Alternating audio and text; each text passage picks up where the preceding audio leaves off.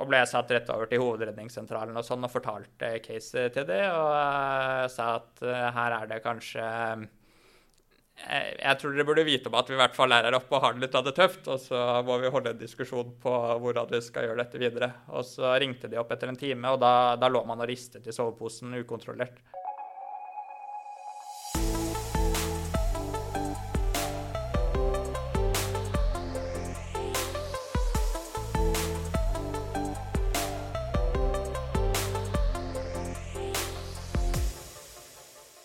I dag har vi med oss en kar som er veldig glad i å være på tur.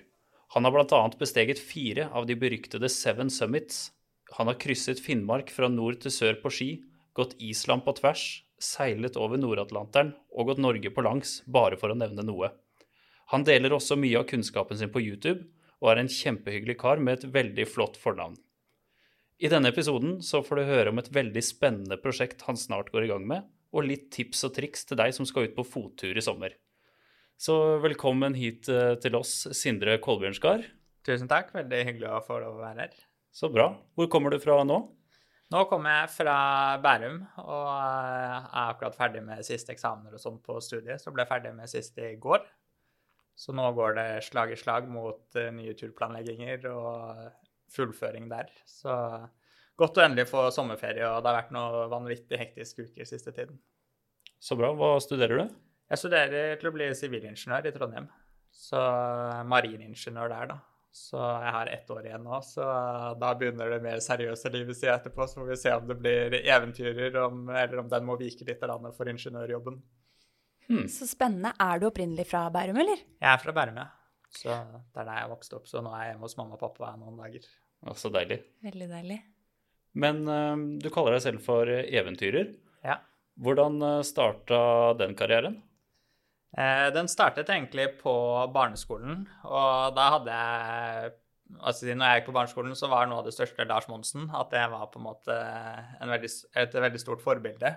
Og da var det såpass Eller jeg var såpass fan av Lars Monsen, så jeg hadde den startskjermen når du gikk inn på internett, var NRK sin Lars Monsen-nettside. Sånn at jeg kom alltid inn på den når jeg åpnet internett. og det var såpass, eller jeg var såpass interessert av samme kamerat, så vi pugget faktisk eh, noen av Lars Monsen-bøkene på rams. Og gikk og testa hverandre da, i, i, om man husket hvert avsnitt i boken.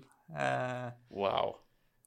Så det var litt der det startet. Og da var det egentlig i ene boken Jeg lurer på om det er Norge på langs-boken til Lars Monsen. Så er det Eller da var det i hvert fall tidligere et avsnitt på slutten der som handlet om hvordan skaffe sponsorer, og hvordan bli en eventyrer eller leve av ekspedisjoner. Og der sto det at du måtte ta et veldig valg hvis det var det her du ville gjøre. Eh, så jeg husker godt at jeg leste det her, og så sa jeg fra til bestekompisen min da jeg kom på skolen dagen etterpå, eh, at jeg husker fortsatt Vi sto nederst i skolegården, og så sa jeg til henne at eh, Max, vi må ta en prat, liksom. Og så dro han meg bort til sandkassa, da gikk jeg vel i fjerde klasse. Og så sa jeg til Max at uh, nå har jeg bestemt meg, jeg skal bli eventyrer når jeg blir stor. Og jeg skal reise på store ekspedisjoner. Og så tok jeg ned hånda på det og sa at dette er det jeg skal gjøre. Så jeg vil si at det på en måte var det ene øyeblikket hvor jeg bestemte meg veldig, og i hvert fall lovet han at det var det jeg skulle satse på. Wow. Det er ganske ekstremt, for du er ikke så gammel. Nei, jeg er 26. Ja, ikke sant? Så mm. Lars Monsen har eh, bidratt til eh, inspirasjon der, da? Ja, så han har vært en, han var en veldig stor inspirasjonskilde, spesielt tidlig i friluftslivet, pleier jeg å si. Og så etter hvert så har man på en måte kanskje funnet andre, eller man har funnet sin type friluftsliv, da, som kanskje har gått litt bort fra dette typisk Monsen-friluftslivet. Oh, jeg kan kjenne meg veldig godt igjen i det du sier med Lars Monsen, for jeg er 28. Så ja.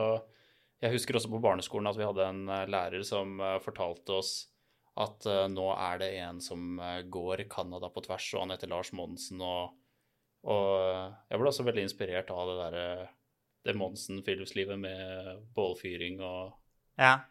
For jeg tror eh, det holdt jo på sånn eh, Hva skal jeg si Da både, eller begge oss to gikk på barneskolen, da var det jo på en måte alle de her med Nordkalotten på tvers. Det var Han hadde fullført Canada, på en måte, så det var en del rundt det. Og han hadde veldig mye prosjekter på gang, så Jeg skjønner at det Han var veldig i vinden da, og det var på en måte et viktig bidrag. Men hvor tok du det videre derfra, da? Fra sandkassa? Eh, da var det egentlig at jeg ville, jeg ville Det var to ting som på en måte sto høyt på lista. Det ene var å ta 2000-meterstopper i Jotunheimen eh, som et viktig ting jeg ville holde på med. Og jeg sa til mamma og pappa at nå jeg skal starte med Tinder-angling.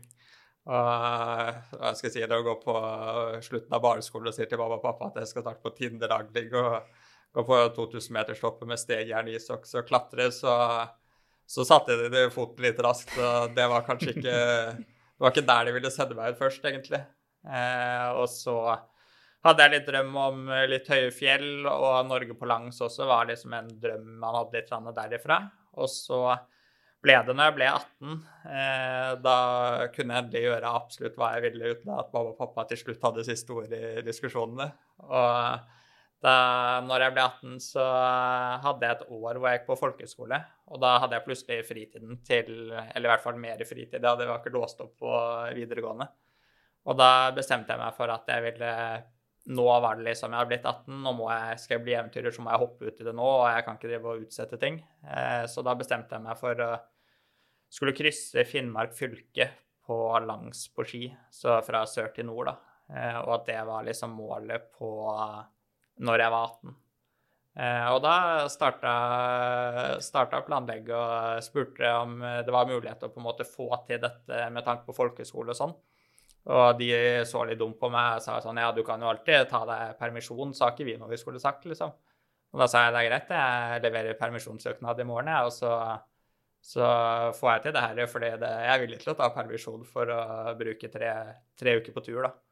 Eh, og fikk med meg to kamerater der, og vi reiste ut og skulle krysse Finnmark fylke. Starta i februar, og da er det kaldt og, wow, ja.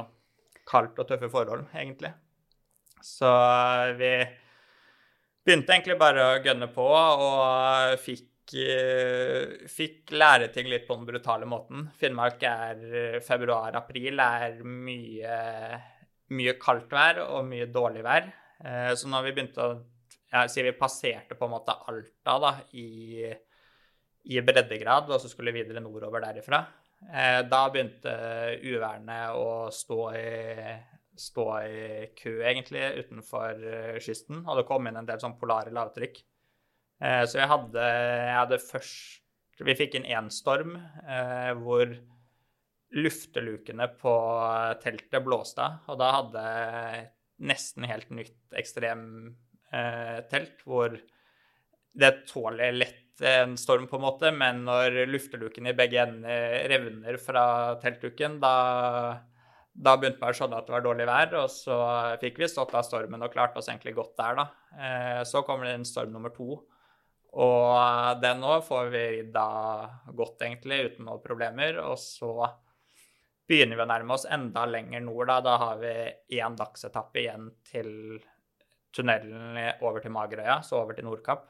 Eh, og da kommer det inn enda et nytt vær, og da blåser det så mye at eh, vi hadde vind i ryggen fra starten av dagen. Og så begynte den bare å øke. Så etter hvert så sto vi og holdt 30 km i timen på, på feller under skia og 30-40 kilos pulker eh, på flatmark. Fy søren. Eh, og så Da var det sånn Du klarte fortsatt Vi tenkte at vi må klare å komme oss ned et sted. Og så gikk det forholdsvis greit inntil vinden begynte å øke enda mer. Og da klarte man ikke lenger å holde vinden rett inn i ryggen. Og resultatet da var at bare at pulken fikk vind litt inn fra siden, så bare snurret pulken rundt. Eh, så da begynte, det, da begynte man å skjønne at her, her har vi ikke så mye å stille opp med, så vi prøvde først å liksom gå og holde pulken, da, eh, sånn at den ikke skulle trille bortover, egentlig. Eh, og det tar ikke mange minutter da før du skjønner at her må kaste en håndkle. Dette her, eh, dette går ikke. Så vi finner ut at greit, vi må prøve å grave oss ned, for det var umulig å sette opp et telt i et sånt vær. I ettertid så viser det seg at det blåste over 30 meter i sekundet i kastene i nærheten. Og Så vi begynner å da skal grave oss ned på flatmark. Eh, vi hadde øvd på å grave en sånn vi kaller det oppkastgrop, hvor du slenger alt utstyret ditt, og så eh, fyller snø over utstyret. La det sette seg i løpet av Ja, du gir det eh, kvarter, 20 minutter, da, så setter snøen seg. Og så kan du grave ut denne her, og så blir det en slags iglo, rett og slett. Eh, og det skulle gjøre da, og i godvær så kunne jeg grave en sånn på 20 minutter. Eh, nå holdt vi på i tre timer bare for å få det til. Mm. Eh, fikk gravd den ut, og da krabba, krabba, krabba vi inn, da, og det viste seg at vi hadde kun plass til to av tre stykker inni den, inni den igloen. Eh, så da Jeg var sistemann som skulle krabbe inn, og da var det rett og slett ikke plass. Så, og du, du får ikke utvidet den igloen på en måte, da, som en snøler du kunne gravd bare lenger innover. Eh, så jeg går ut og så sier jeg, jeg gir deg ett forsøk, setter opp teltet, og da det tok tre sekunder fra jeg hadde fått inn teltstengene til alle stengene var knukket flere steder. Eh, og, eh, ja, da, og da var det sånn Temperaturen i øyeblikket her da ligger på et par plussgrader. Eh, full snøføyk, så du blir helt gjennomvåt. Jeg hadde typisk eh, boblejakke, Gore-Tex-bekledning som er det aller beste, aller varmeste du har. Men alt sammen var gjennomvått eh, i løpet av fire timer. Og jeg tok meg selv at jeg sto med buksa på knærne, uten at jeg merket at jeg hadde buksa på knærne. Eh, og da var det sånn Sindre, nå, nå, nå må du ta deg sammen her, fordi nå er du såpass ute å kjøre. Så jeg la meg da inn i dette teltet, og jeg hadde tatt med satellittelefon på turen. Og så tenkte jeg at greit, nå, nå er det greit å i hvert fall si fra til noen at vi, vi, vi, sliter litt her oppe, og så får vi ta en diskusjon, i hvert fall så de er informert, da. Eh, og det første jeg finner ut, er at en satellitttelefon kan ikke ringe et uh, tresifret nødnummer. Eh, og da sitter du oppå på vidda uten å, uten å få ringt, egentlig. Og så var det en måte bare å tenke altså, tenkte jeg mye at Jeg hadde jo sett på politibiler at det sto Er det 02 400? 02800, tror jeg. Ja, 02800. Så jeg klarte å huske det nummeret. Eh, og ringte det, da. Og da kom jeg gjennom. Eh, fikk eh, Og ble satt rett over til hovedredningssentralen og sånn og fortalte caset til det. Og sa at her er det kanskje jeg tror dere burde vite om at vi i hvert fall er her oppe og har det litt av det tøft. Og så må vi holde en diskusjon på hvordan vi skal gjøre dette videre. Og så ringte de opp etter en time, og da, da lå man og ristet i soveposen ukontrollert. Og så sa de at nå setter vi i gang en redningsaksjon, for Meteorologisk institutt sier at dette været skal holde på i hvert fall 36-48 timer til. Eh, og det sa vi at det, det, blir nok litt optimistisk. Vi klarer kanskje en natt, men to netter, det tror jeg blir litt mye. Så de satte i gang Forsvaret på jobben, skulle komme ut med en beltvogn, plukke oss opp. Og etter, ja, etter to timer da, så får jeg oppringing på satellittelefonen, og da sier de at Forsvaret har prøvd nå i to timer, og det er ikke sjans at de kan kjøre beltevogn i det været. Og så sier jeg nei, det er ikke sånn så overrasket, på en måte, for jeg var jo der og skjønte hvor dårlig vær det var. Og så, um, så sa de at det vi gjør nå, er at vi sender opp en patrulje på snøscooter som kan eh, hoppe på snøscooterne full gass inn, full gass ut igjen, og så trenger de et veldig lite værvindu. Eh, og lå og venta tre timer da på disse scooterfolka. Og etter tre timer så får oppringing, og da sier, da sier politiet at uh, de scooterpatruljen kommer ikke ut av, kommer ikke ut av bilen. Uh, fordi det blåser såpass mye. Og uh, der sitter du på en måte, og du kommer egentlig ingen vei, da. Og det, det hele greia ender opp med, er at det løyer når klokka er rundt midnatt. Så da kommer skuterpatruljen. jeg krabber ut av teltet og skal sette opp noe lys for å lyse etter, da. Men da er det blå himmel og stjerneklart, så da har dette polare lavtrykket blåst over. Men da bestemte jeg meg egentlig for at jeg skulle slutte med friluftsliv etter, etter min første ekspedisjon. Wow. For det var ganske ekstremt. Men hvordan, jeg skjønner faktisk ikke, det er jeg nysgjerrig på, hvordan du klarer å holde roen i en sånn situasjon. Ja, det Skjønner du kanskje ikke selv heller? Det er ikke nei, så lett nei, å si. Svare på. Jeg, jeg, på jeg, skjønner viktigheten med å beholde roen, på en måte. Og det var flere på en måte, Man skjønner ikke helt hva som foregår, f.eks. For når plutselig så står du med buksa på knærne, fordi den er, den er gjennomvåt. da, så Det var ikke bukseseler på den, så den bare falt ned. Og da på grunn av På grunn av på grunn av buksen falt ned, og den var nedpå knærne, da skjønte du at uh, nå må du ta deg sammen her, på en måte. At du får en litt sånn reality-sjekk, egentlig. Og så hadde jeg også et punkt hvor jeg jeg mistet uh, Jeg husker jeg mistet votten. Uh, for jeg skulle ta av votten og så fikse noe. Og så mistet jeg votten, og det visste sånn Er det én ting man ikke gjør her, så er det å miste en vott i et sånt vær. Og så mistet jeg votten, og så så jeg bare begynte å rulle bortover. Løp tre-fire meter, hoppa oppå den og klarte å ta den. Og oh. kunne så vidt skimte teltet bak, da. Uh, men da får du en del sånn reality-sjekk, og når jeg lå og ristet i teltet ukontrollert og er helt våt inn til beinet, eh, da tok jeg da tok jeg og jeg hadde 2 igjen av strøm på mobilen. Og så krabba jeg med hodet ned i soveposen, sånn at jeg skulle liksom få eh, Ikke høre noe lyd rundt, da. Og så brukte jeg de to siste eh, prosentene med strøm og høre noe filmmusikk som om jeg var hjemme og så på film, liksom, bare for å prøve å koble ut hodet. Var du virkelig redd på et tidspunkt? Eh, det var eh, et punkt hvor eh, Det er eneste gangen jeg har trodd at dette er kanskje slutten. Eh, og dette, så tanken slo meg, og så husker jeg at jeg tenkte litt mer, og så var det sånn Nei, dette her føles ikke som er min dag, på en måte. Sånn, det er ikke denne dagen som er satt av til at jeg skal gå bort. Og da, da fikk jeg på en måte en ro at uh, Nei, dette dette ordner seg, på en måte.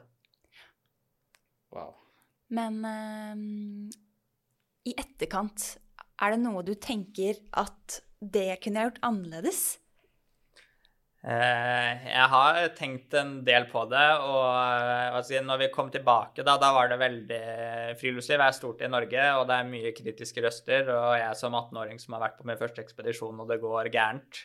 For det om vi klarte jo å ri av stormen uten å få hjelp, så sånn sett har vi på en måte gjort til en viss grad det så riktig man kunne gjøre, på en måte, da. Eh, så da fikk man en del en del folk som var veldig kritiske til hva vi hadde gjort. Og det var egentlig det tøffeste med hele greia, var å måtte stå skolerett for hva man hadde gjort. Eh, og da har, så man har tenkt veldig mye etterpå sånn hva skulle man gjort annerledes? Og det jeg kanskje ville gjort annerledes, var at jeg ville Med en gang det ble dårlig vær, så ville jeg heller kanskje ligget inni et nedblåst telt, da. Eller en jervenduk eller vindsekk, sånne ting, istedenfor å prøve å grave seg ned.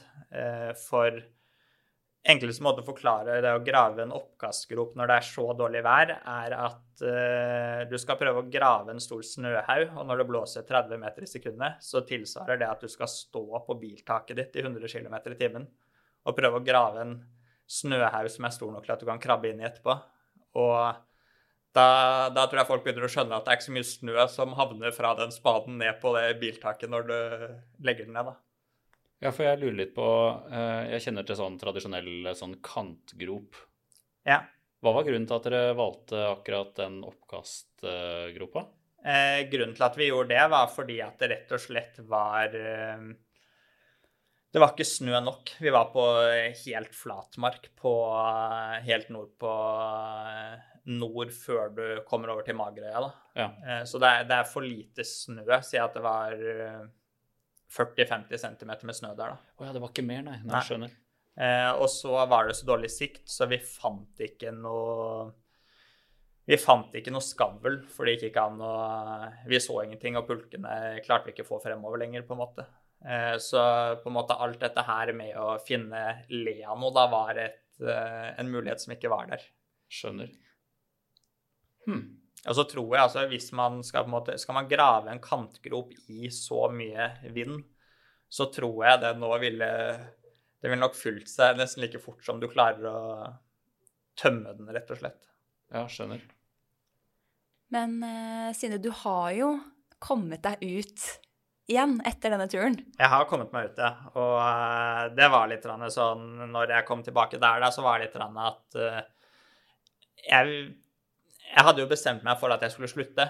Uh, og når jeg kom tilbake og det var en del kritiske røster der, så var det litt sånn Er det én seier jeg ikke vil at de skal få, så er det den her at jeg faktisk skal, skal legge alle korta Eller legge hele karrieren på hylla. At jeg skal tilbake. Og så dette er det, det jeg liker å holde på med. Og dette her får jeg heller bruke at jeg har lært så vanvittig mye, og jeg har en erfaring som de fleste på en måte kritikerne ikke kunne de hadde aldri opplevd noe sånt, på en måte. Og det som gikk veldig opp for meg da, var det at uansett hvor mye man trener på ting eh, i godvær, når man skal trene på hva gjør man i dårlig vær i godvær, så er egentlig treningen Den er viktig, men samtidig så er den veldig lite relevant, fordi det er to helt forskjellige verdener, på en måte. og det blir igjen dette her med å prøve å grave en snøhule på toppen av biltaket i 100 km. Er, det er noe annet enn å gjøre det når det er godvær.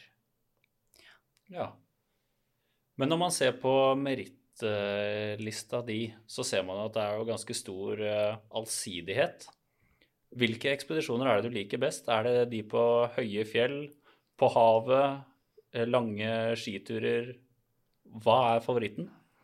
Jeg pleier å si at uh, det jeg liker, er et skikkelig eventyr. Og det jeg på en måte legger i det, er at jeg vil at turen skal være min egen. Eh,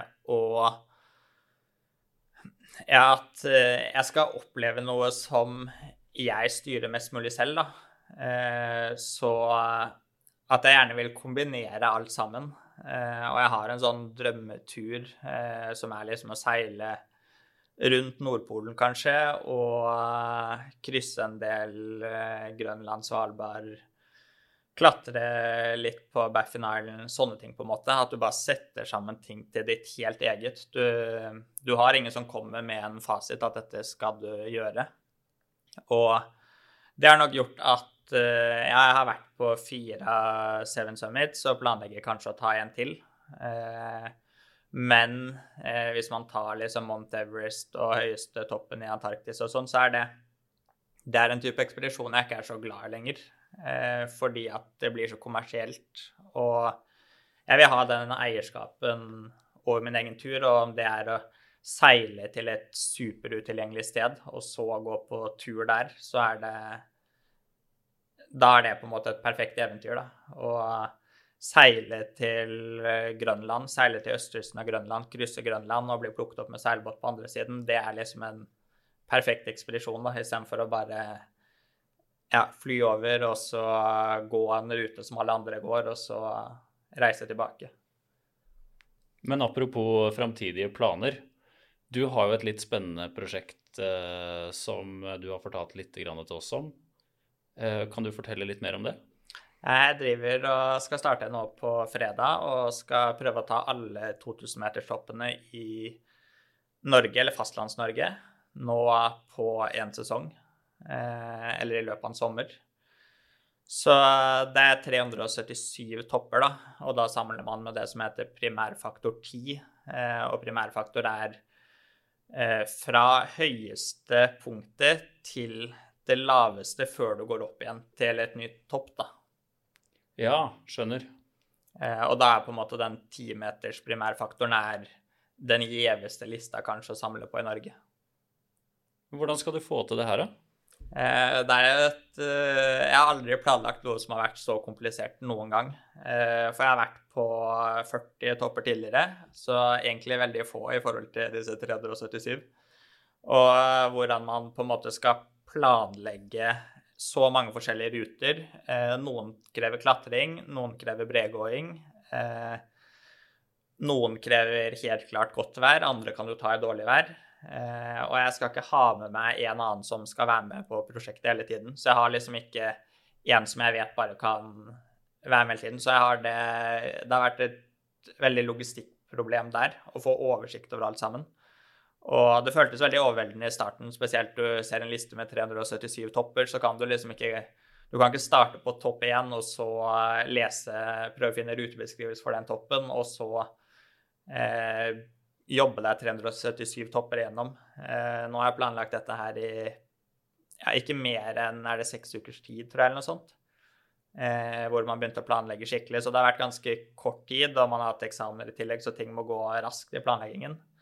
Eh, og det som på en måte var det store gjennombruddet i planleggingen her, da, var at jeg klarte å sette opp Jeg er veldig glad i å bruke Excel for å planlegge ting.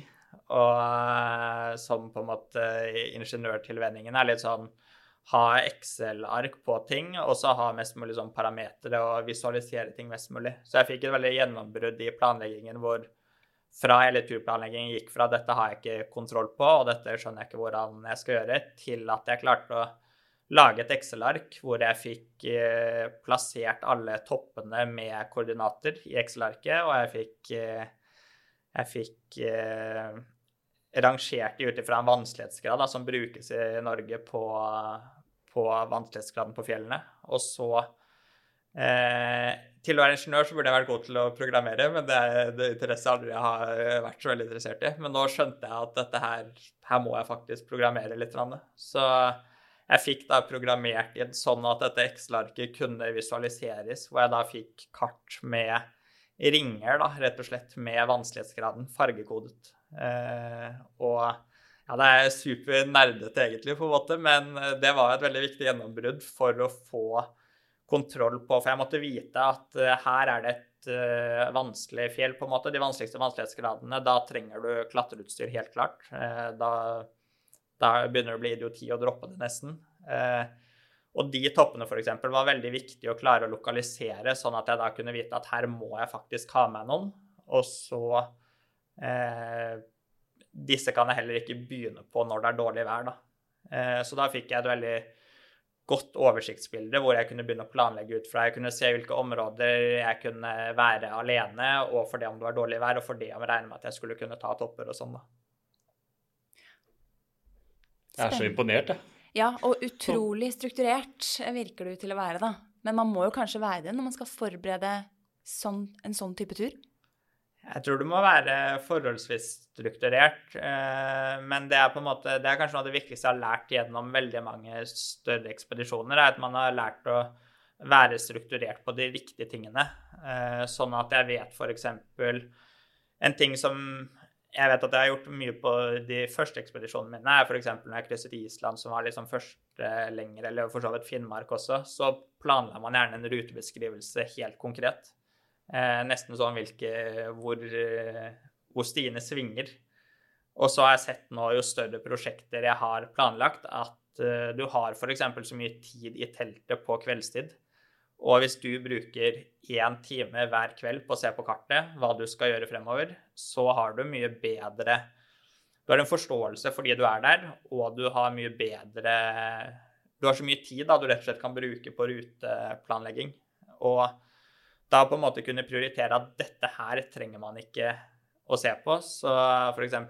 nøyaktig ruteplanlegging. Det som er viktig da med dette toppturprosjektet, er det å å gå på Ja, det er 50 topper som jeg har på en måte sagt at disse er mer krevende. Eh, og da er det å få eh, funnet ut hva er det som gjør at disse er krevende. Hvor lange rappeller er det forventet at jeg trenger? Eh, hvor trenger jeg bregåing? Hvor trenger jeg isøkstegeren? Sånne ting. Og så få plottet inn dette her, da. Og så sier jeg at de resterende 320 toppene de trenger jeg egentlig ikke planlegge fordi letteste rute. Eh, så lenge jeg bare finner letteste rute, så skal jeg kunne gå på den uten for mye mye ja, planlegging, sånne ting, da. Og da er det typisk DNT-stier, da, eller? Da er det ikke DNT-stier, men jeg lurer på om det er noen varder og sånn her og der. Ja. Eh, men i hovedsak så er det egentlig bare å gå, og så handler det mye om å koble fjelltopper sammen, da. Eh, og det er litt det er på en måte kanskje den vanskelige biten. er At å ta toppen alene er kanskje enkelt, men du vil samtidig minimere antall høydemeter, da. For dette er et rekordforsøk, er det ikke det? Det er et uh, rekordforsøk også, egentlig. Og uh, nå, han som har rekorden, er Den ble satt i 2008, og den er på 11,5 måneder. Eh, og når den ble satt i 2008, så var det først en som satte en rekord, jeg lurer på om det var tidlig i 2000-tallet, som klarte det innenfor ett Altså innenfor tolv måneder. Og så var det en som fant ut at jeg skal ta dette her og få det innenfor ett kalenderår. Og han prøvde i 2007. Og da gikk det akkurat ikke. Og så sa han faktisk jeg prøver helt på nytt igjen i 2008. Og da klarte jeg det på 11,5 måneder. Eh, så den rekorden har stått nå fra 2008. Og eh, nå håper jeg vel å kunne få det ned på Jeg sier at hvis jeg får det under 100 dager, er jeg fornøyd. Og så, hvis på en måte ting klaffer veldig godt, så ser jeg for meg at man kanskje kan klare å pushe det ned mot uh, litt over to måneder. Herlighet. Men uh, dette gjør du helt alene? Eh, jeg skal ha med meg en del folk, og jeg må ha med en del folk, ja. egentlig. Eh, men jeg har ingen som skal være med hele tiden. Og eh, jeg har bare fått med meg Det har vært veldig overveldende respons på folk som vil være med, både gjennom YouTube, Instagram, sånne ting, som bare har kontakt med meg og spurt om de kan være med litt her og der. Eh, men de vil gjerne bare være med et par dager om gangen. Eh, så da har jeg sagt at dette må vi ta, må vi ta litt fortløpende. Og så har jeg fått litt kamerater som kan være med. De har sagt at de jeg vil planlegge med, de må være med en uke om gangen. Eh, så da har jeg liksom en som skal være med nå en uke første uka, og så er det en ny som skal være med andre uka. Og så går det litt sånn gjennom prosjektet. Og det som er da med de jeg skal ha med, er at de har gjerne lite, lite erfaring på dette her, egentlig. Eh, det jeg pleier å si, er at så lenge folk er, har, eller er veldig motiverte, eh, så kan jeg ta med de fleste kun pga. motivasjon. Og så eh, vet jeg at jeg, jeg føler meg såpass komfortabel med bregåing, med, med klatring, sånne ting, at jeg skal klare å få ting til å funke så lenge de er forholdsvis godt trent og har motivasjonen på plass, så mener jeg at vi skal få dette til å funke. Herlighet. Wow. Men OK, litt inn på dagens tema, da. Ja. Sindre, si Sindre og meg, vi skal på fottur i sommer altså Sindre Holm. Ja. eh, ta oss gjerne litt med på liksom, hva, hva bør vi forberede oss på? Hvordan, hva, hva, er lurt å tenke på i forkant av eh, en tur på sommerstid? Ja, sånn, det, det, første man gjerne starter med, er jo liksom sånn område. Å finne et uh, godt område man vil på tur i. og det jeg på en måte pleier å tenke da, er at uh, hvis man ikke har for mye erfaring, så er det det beste er da å starte i skogen, egentlig. Eh, så man i hvert fall har noen trær man kan eh, Med en gang det blåser og det er mye trær, så vil man i hvert fall være i le av det. da. Så det gjør det veldig mye sikrere hvis man kan komme seg under skoggrensa. Så på en måte det man kan liksom kalle nederst, eller første startnivå, da, er kanskje å holde seg i skogen. Og så kan man f.eks. Et godt tips kan være å legge til et sted hvor man har både høyfjell og skog. da. Så litt basert på vær så kan man velge området at uh, greit, nå er det meldt finvær, og da kan man trekke opp i høyden, og så har man på en måte muligheten for å komme seg ned da hvis det, hvis det er Ja, hvis været blir dårlig, egentlig. Veldig bra. Mm. Så er det jo et stort uh, punkt uh, innafor turer i sommer som kalles bekledning. når du skal på den typiske dagsturen uh, opp på høyfjellet, kanskje du skal på en liten topptur. Hva tenker du er på en måte det viktigste å ha med seg da?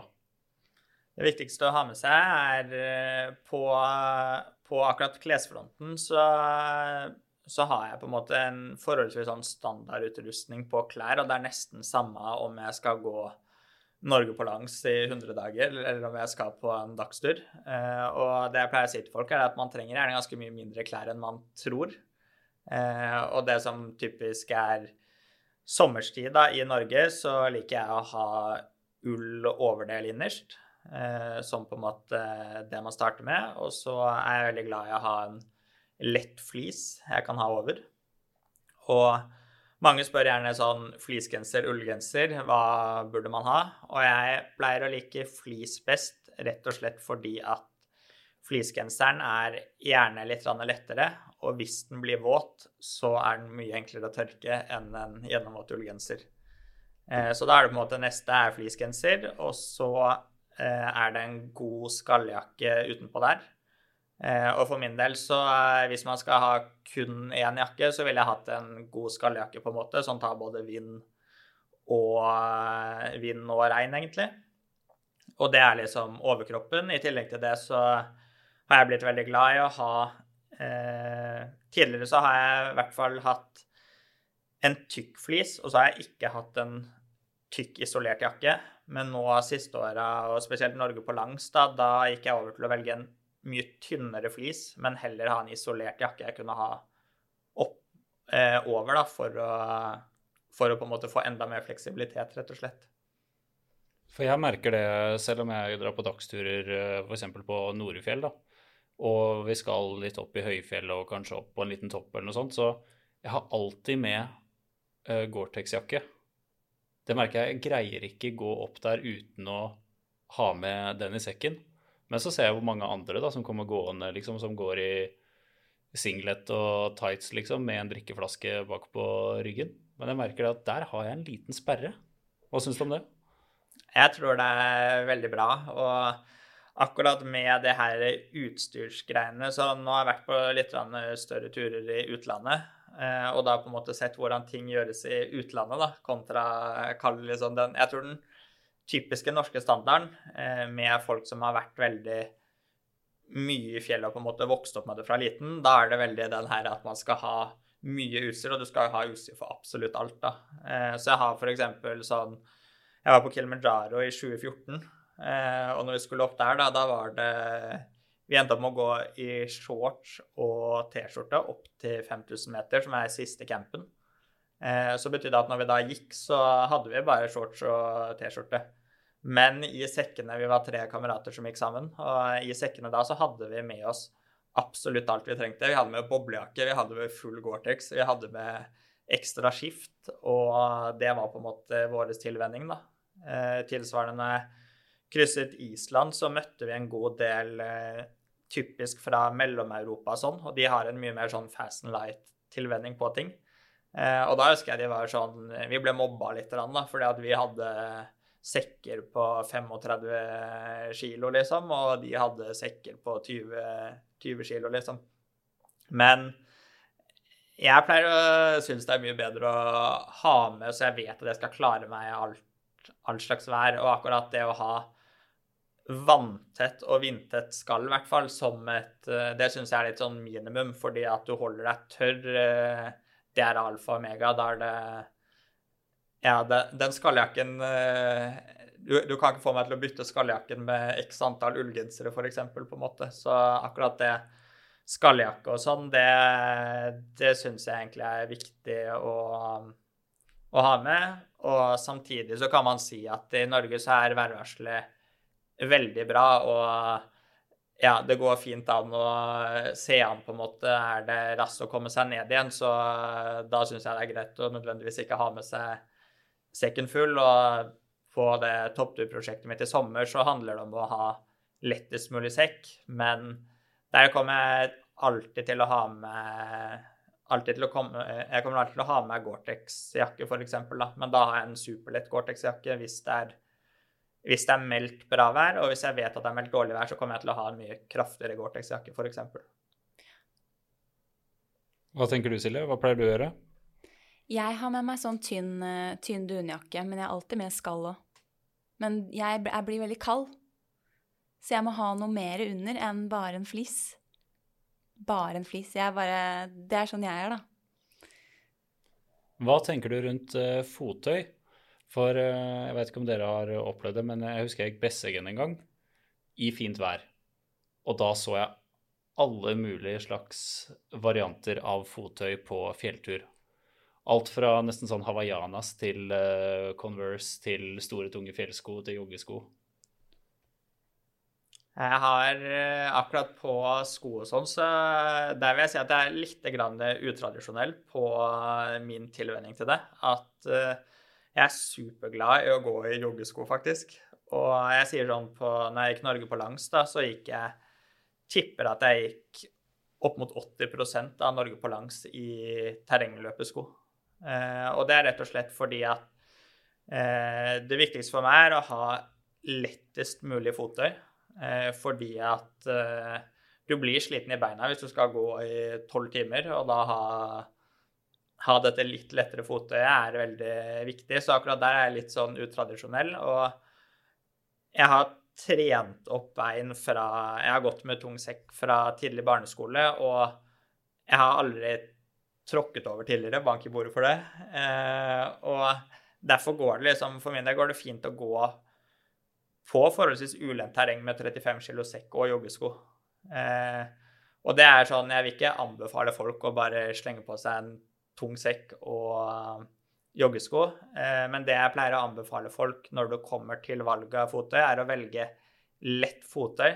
Eh, så kanskje se litt bort fra disse typisk klassiske norske læreskoene, som er De holder veldig lenge, men nå begynner det å komme så mye gode varianter i liksom disse kunstmaterialene som veier en brøkdel i forhold. Og det gjør noe med opplevelsen å ha, ha lette sko. Mm. Og ikke minst eh, gnagesår. Ja. Kan kanskje forhindres noe med litt uh, annen type sko?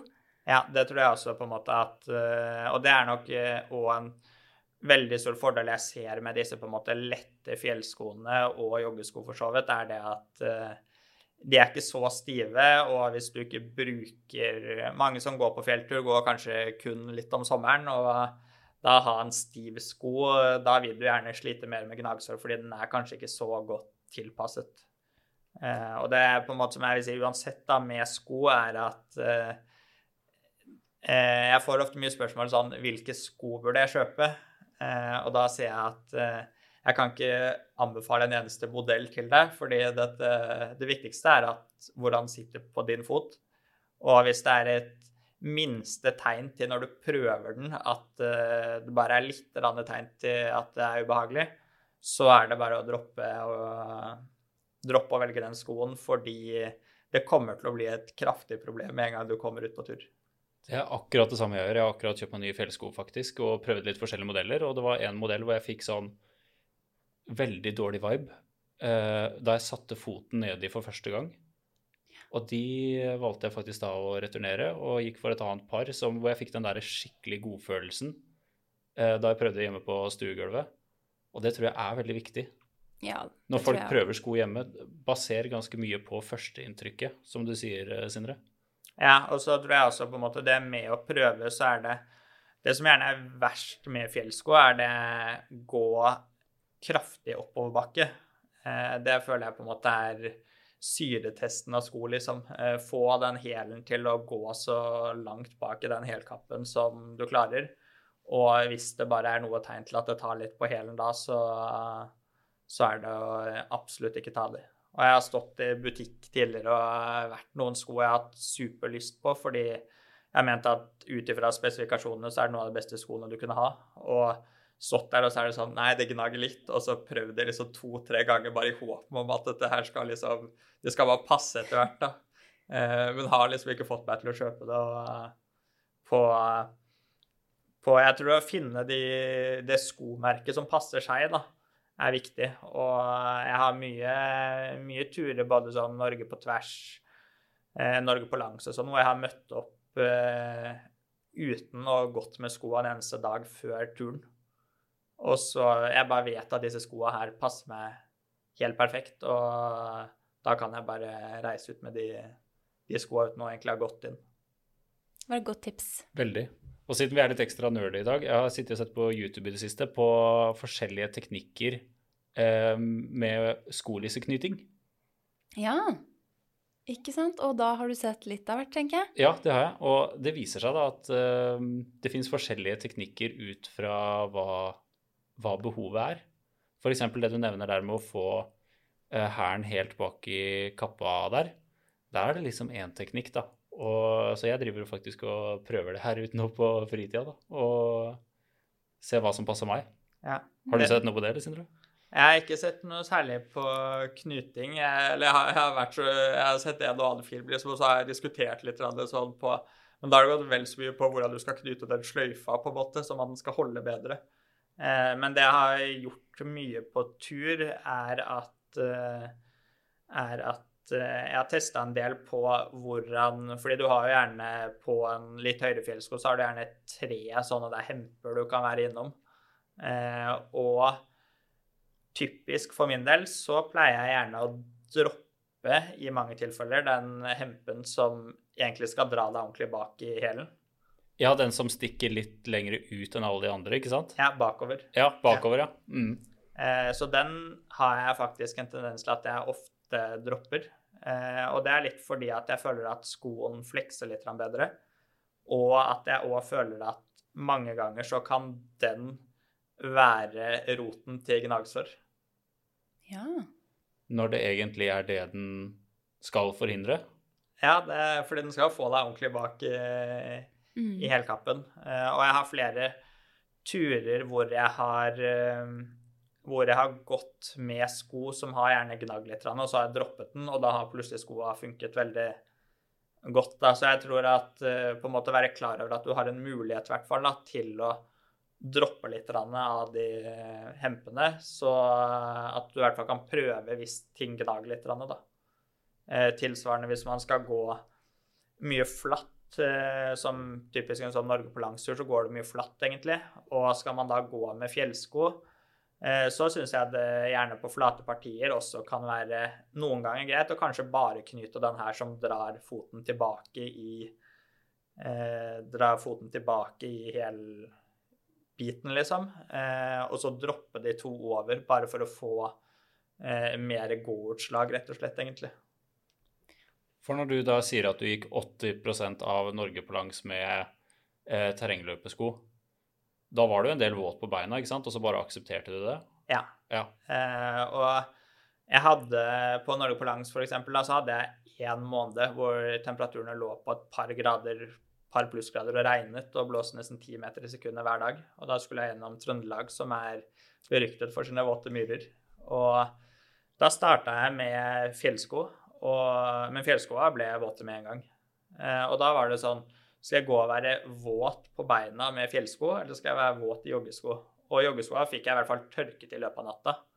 Mm. Eh, og gå med våte fjellsko er enda tyngre og kjipere enn å, enn å gå med våte joggesko fordi de blir ja, tyngre.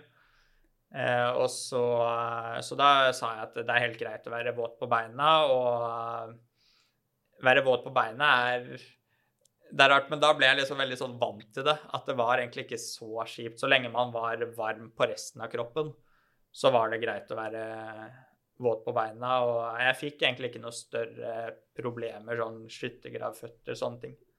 Men da gikk jeg med joggesko uten Gore-Tex. Eh, så de ble jo superfort våte. Det er litt kjipt fordi du får Hver gang du tråkker i en ny myr, så kommer det nytt kaldt vann inni. Eh, så det var en liten sånn eh, Den føltes litt skip, men samtidig så med en gang du kom på eh, Kanskje du gikk en halv kilometer da, hvor det ikke var vått, og da ble skoa faktisk forholdsvis tørre, og det tror jeg på en måte gjør at du da slipper å gå og vasse i, i vann, og du da slipper å ødelegge beina dine for mye sånn, da. Jeg syns det er så befriende på fjelltur eller tur i skogen når jeg først blir våt på beina. For da gir man jo liksom eh, litt grann F. Ja. Du driver ikke og hopper rundt eh, den der ene dammen og, bare peiser på, da. Mm. Det er, jeg vet ikke om du kjente på noe av det samme? Jo, jeg, det var sånn, men jeg prøvde gjerne å krige litt av det for å, for å holde skoa tørre når de først var tørre. Eh, og jeg hadde noen terrengløpesko, og da var det f.eks. på helkappen, så er de vanntette, for helkappen er ganske massiv. Eh, og da, så jeg hadde en del sånne teknikker på det hvor jeg kom ut i sånn vått terreng hvor jeg kun gikk på hælene og sånn stive bein da, eh, for å holde fronten opp av det våte partiet. Ja. Du prøvde å gå med skoene i plan? Ja. ja. Så for, for, å holde Den det, er fin. ja, for å holde det tørre, og så gikk jeg altså såpass langt at uh, etter hvert så limte jeg opp med et lim som heter Aquasil, som er sånn til å lime på vader og sånn. Da får det vanntett, så jeg, jeg limte på en ekstra ring rundt på fordelen av foten, da, sånn at jeg skulle få Si det var to centimeter mer da, med, med vannklaring, egentlig. Det er skikkelig Reodor Felgen. Ja, Ja. veldig. Hva tror du er eh, den feilen flest folk gjør når de legger ut på sin første liksom, vandringstur, da? Kanskje over flere dager? Ja, det Den største feilen det jeg kanskje vil trekke fram der, og, som jeg har blitt veldig nøye på, det var etter et år i Forsvaret. er det som går på klesgreier. Og det jeg på en måte lærte i Forsvaret, som jeg har vært veldig konsekvent på etterpå, er at jeg, har, jeg pakker klærne jeg har på meg, som eh, Det kaller jeg gjerne dry-kittet mitt. Nei, det jeg har skal jeg tenke, Det jeg har på meg, kaller jeg gjerne wet-kittet mitt. Eh, og det er det som kan bli vått. Og så har jeg eh, ett skift eh, i sekken, og det er dry-kittet. Og det skal være tørt, og det er hellig, det dry-kittet. Eh, fordi Skjer det noe, så, så, er det viktig at jeg har den ekstra marginen på at det er tørt. Da. Eh, så jeg er veldig på at eh, ha klær som tørker raskt nok, og så gidd å gå klærne tørre. Eh, at ja, det kan være kjipt, men at det er en, det er en veldig lettvint løsning noen ganger, kanskje, å bare slenge på seg det tørre klærne, og så tar du det våte og slenger det i en pakksekk, og så får du egentlig ikke tørket det. Så enten må du da ta på deg det våte neste dag, og så kvier du deg for det, og så sier du ja, men da går jeg bare dette tørre videre. Og så blir du vått i det òg, da har du plutselig to våte ting, da. Eh, så prøve å stå litt mer i akkurat dette her med klær, vil jeg, vil jeg kanskje si at det er eh, god læring i I hvert fall vært viktig for meg, da. Rett og slett litt uh, streng disiplin? Ja. ja. Og struktur igjen der, da. Ja, ja, absolutt. Sover du gjerne under åpen himmel, eller eh, foretrekker du telt? Eh, det kommer veldig an på. Jeg er veldig glad i å sove under åpen himmel. Og sånn på det Jotunheim-prosjektet mitt eh, nå, og for så vidt når jeg startet Norge på langs i fjor òg, så, så på, da skal jeg sove under åpen himmel første biten. Og jeg håper egentlig at jeg kan sove en del under åpen himmel nå på dette topprosjektet. Eh, og det er litt sånn Jeg elsker å gå med lett sekk. Og så slenge med seg en sovepose. Jeg har en sovepose på litt over 400 gram og et lett liggeunderlag. Og har man det i sekken, så Og du bare kan gå på topp til topp, da, og så bare ruller du ut liggeunderlag og sovepose og legger deg til å sove et sted, det, det syns jeg er helt fantastisk, egentlig. Eh, så der er jeg veldig glad i å ligge under åpen himmel. Og har også sovet en del sånn på korte turer i hengekøye under åpen himmel. Eh, men når det kommer til typisk Norge på langs og sånn, da, da, er det da er frykten for at du skal legge deg under åpen himmel, og et eller annet skal skje, været skal slå om, eh, såpass stor. Så der, der, vil jeg alltid krype i det teltet, fordi det var på en måte en trygg havn, rett og slett. da. Så er det vel noen områder i Norge hvor uh, myggen gjør det litt uh, kjipt å ja. ligge under åpen himmel. Det, da vil jeg i hvert fall ha telt, eller i hvert fall noe myggnetting man kan krabbe inn i. Men jeg vil absolutt anbefale folk å prøve å sove under åpen himmel, og det gleder jeg meg veldig til nå. Jeg reiser til Rondane på fredag, og da skal jeg ta alle toppene i Rondane, og da kommer jeg kun til å gå med en sånn 40 liter sjekk med lett sovepose, lett liggeunderlag og sove under åpen himmel. Så nydelig. Tøft. Herregud. Jeg har bare et tips da, til ja, folk i sommer. Det er vi veldig interessert i. Ja, nå skal jeg ikke være kommersiell, men jeg må være lite grann. Og det er sånn uh, myggjager som uh, man kobler til gassboksen. Samme gassboks som man bruker på primuser og sånne ting. Wow, det funker så bra. Det er mitt ene supertips fra denne podkastepisoden. Ja. For er myggen veldig glad i deg når du ligger, uh, ligger der nede? Med, under åpen himmel, altså? Uh, jeg vil Jeg har liksom ikke Jeg føler mygg aldri har vært så problematisk. Nei, så deilig. Så jeg hadde med meg en på Norge på langs, og han var liksom Der måtte vi stoppe dagen noen ganger. Litt tidligere, fordi han ble, så, han ble forbanna på myggen, liksom, fordi det var så irriterende når han fløy rundt huet på han. Men jeg er litt sånn, jeg klarer ikke å gå med de der nett over hodet, så jeg hadde med meg på Norge på langs. Eh, men gikk hele Norge på langs uten det. Og jeg er litt sånn, ja, greit, det er mygg, det er litt irriterende, men problemet er når man stopper opp, da. Mm. Ja, og det er denne myggøkeren der til bruk eh, på en måte i camp. Mm. Ja. Og der ser jeg det er supergenialt, fordi jeg hadde flere ganger på Norge på langs hvor eh, når jeg kom fram i teltet, så var det bare å hoppe inn i teltet lukke inngangen og så drepe alt av mygg som hadde kommet inn. Og så lukka du ikke opp den døra før du skulle ut neste morgen. Uh, avslutningsvis så har vi alltid noen uh, spørsmål vi stiller uh, de som vi har med oss i podkasten. Eh, er det noe utstyr som du alltid har ønska deg, men som du aldri har fått kjøpt? Eh, jeg har én ting som jeg har ønsket meg, og det er sånn fra barneskolen igjen, på en måte. Og jeg tror dette er fra dette Lars Monsen-greia, er at jeg har alltid ønsket meg en uh, Western Mountaineering Bison sovepose. Som Ah. er uh, Det er vel på en måte Western Mountaineering sier vel at det er litt Rolls-Roycen innenfor soveposer. Og den heftigste, varmeste soveposen der er sånn jeg alltid har hatt litt lyst på, egentlig. Og jeg kjøpte min første Western Mountaineering sovepose når jeg skulle gå Norge på tvers, og det er vel tre år siden nå. Og da husker jeg når jeg fikk den, da var det sånn Dette her var liksom sånn barnedrøm å få sovepose derifra, da. Så jeg har én sovepose derifra, men jeg har lyst på den skikkelig skikkelig vinterekspedisjonsposen deres. Levde den eh, første du fikk eh, opp til forventningene, eller? Ja, absolutt. Eh, Så hva skal jeg si Nå har jeg prøvd mye forskjellige soveposer, og ja, jeg mener at eh, den soveposen der er eh, ja, det råeste jeg har prøvd noen gang. Og jeg har vel en ti soveposer liggende hjemme, på en måte dunposer, som mange skal egentlig kunne konkurrere på papiret, i hvert fall. Så er det neste spørsmål, eh, og det er hva er det du alltid har med deg på tur? Det kan gjerne være en spesiell greie som kanskje betyr mye for deg, eller en ting som alltid er med.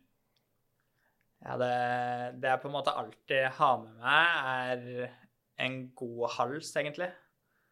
Eh, og der har jeg en hals som på en måte er litt sånn favoritten min, og det er eh, en jeg sydde selv. Oh, ja. Eh, og den sydde jeg faktisk når jeg gikk på folkehøgskolen, og da hadde vi besøk av noe eh, Vi hadde sånn utveksling med noen folk fra Russland. Så jeg husker jeg satt på, jeg satt på symaskinen på folkehøgskolen, og da hadde jeg et sånn stort vindu foran meg, det var helt mørkt utenfor. Så det funket mer som speil, da. Og så kom det fire russiske jenter inn da bak meg når jeg skulle sy denne her. Og da De fikk jo helt sjokk fordi at det var en gutt som satt og sydde på symaskin, fordi det var jo Det skulle ikke gutter gjøre, liksom. Så jeg husker de sto der og bare var liksom fascinert, og de tenkte vel at jeg ikke så det i dette speilet, da. Eh, men den halsen på en måte er eh, Grunnen til at jeg sydde den selv, da, var at uh, igjen så blir det litt nerdete, og det er at uh, jeg ville ha en hals Gjerne når du har en hals du tar foran og puster gjennom, så blir den gjerne våt. Eh, og det er irriterende. Det har liksom alle opplevd. Eh, og så ville jeg ha en hals som var veldig varm, så det jeg gjorde, var at jeg bestilte eh, Polartec, sånn flistoff, eh, som er sånn veldig sånn fluffy. Eh, sånn koseflis, liksom. Og så sydde jeg den i eh, det tykkeste Polartec-stoffet og dobbelt. Og da kunne jeg plutselig puste gjennom den uten at den ble eh, våt, fordi den tørket raskere enn enn at den på en måte klarte å bli våt. Og den fikk vel såpass mye avstand at den ikke Ja, jeg følte ikke at den ble så veldig våt, da.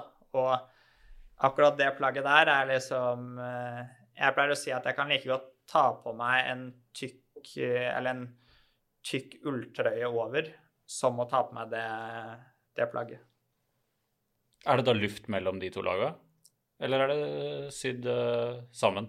Ja, det, det er sydd eh, De er bare sydd inntil hverandre, liksom. Så en tolags eh, hals da i dette polartrekkstoffet. Imponerende. Ja, det høres bra ut. Mm. Du får si fra hvis du skal lage en til. Ja. Og helt til slutt da, så har vi bedt deg om å ta med en gjenstand i dag som beskriver deg litt som person. Da har jeg tatt med et kamera, for jeg føler at det er det som beskriver meg eh, veldig mye. Og det gir meg veldig mye glede. Og jeg tror det med kamera og sånn Jeg har hatt en interesse for foto hele tiden. Eh, og så har man liksom tidligere brukt mobil, og så har man gått over til litt større kompaktkamera, og så nå har man liksom sånn fullt sperreeffektskamera. Så jeg vil si at det er kanskje det som beskriver meg, og det er at uh, Fordi at jeg syns Jeg tror det var litt Eller jeg tror det er fordi når jeg vokste opp uh, i Bærum og starta med friluftsliv på barneskolen, så det var veldig før den her friluftsliv-hypen, hvis man kan kalle det det, kom. Eh, og da, da hadde jeg veldig lyst til å ta bilder og vise hvor fint det var, da, og hvor, eh, hvor kule opplevelser jeg hadde. Eh, så på en måte det å dokumentere både gjennom film på, og bilder eh, har liksom vært en veldig viktig del av meg. Og det føler jeg nesten er som å ha med seg en annen person og kunne gå og snakke litt i kamera og sånn. Ja. Jeg har sett eh, mye av det du har laget, og det ser ekstremt bra, bra ut. Og du er veldig proff. Tusen takk for det. Så bra. Da håper jeg lytterne har kosa seg med episoden. Og så er det bare for oss å ønske god tur. God tur! God tur, ja.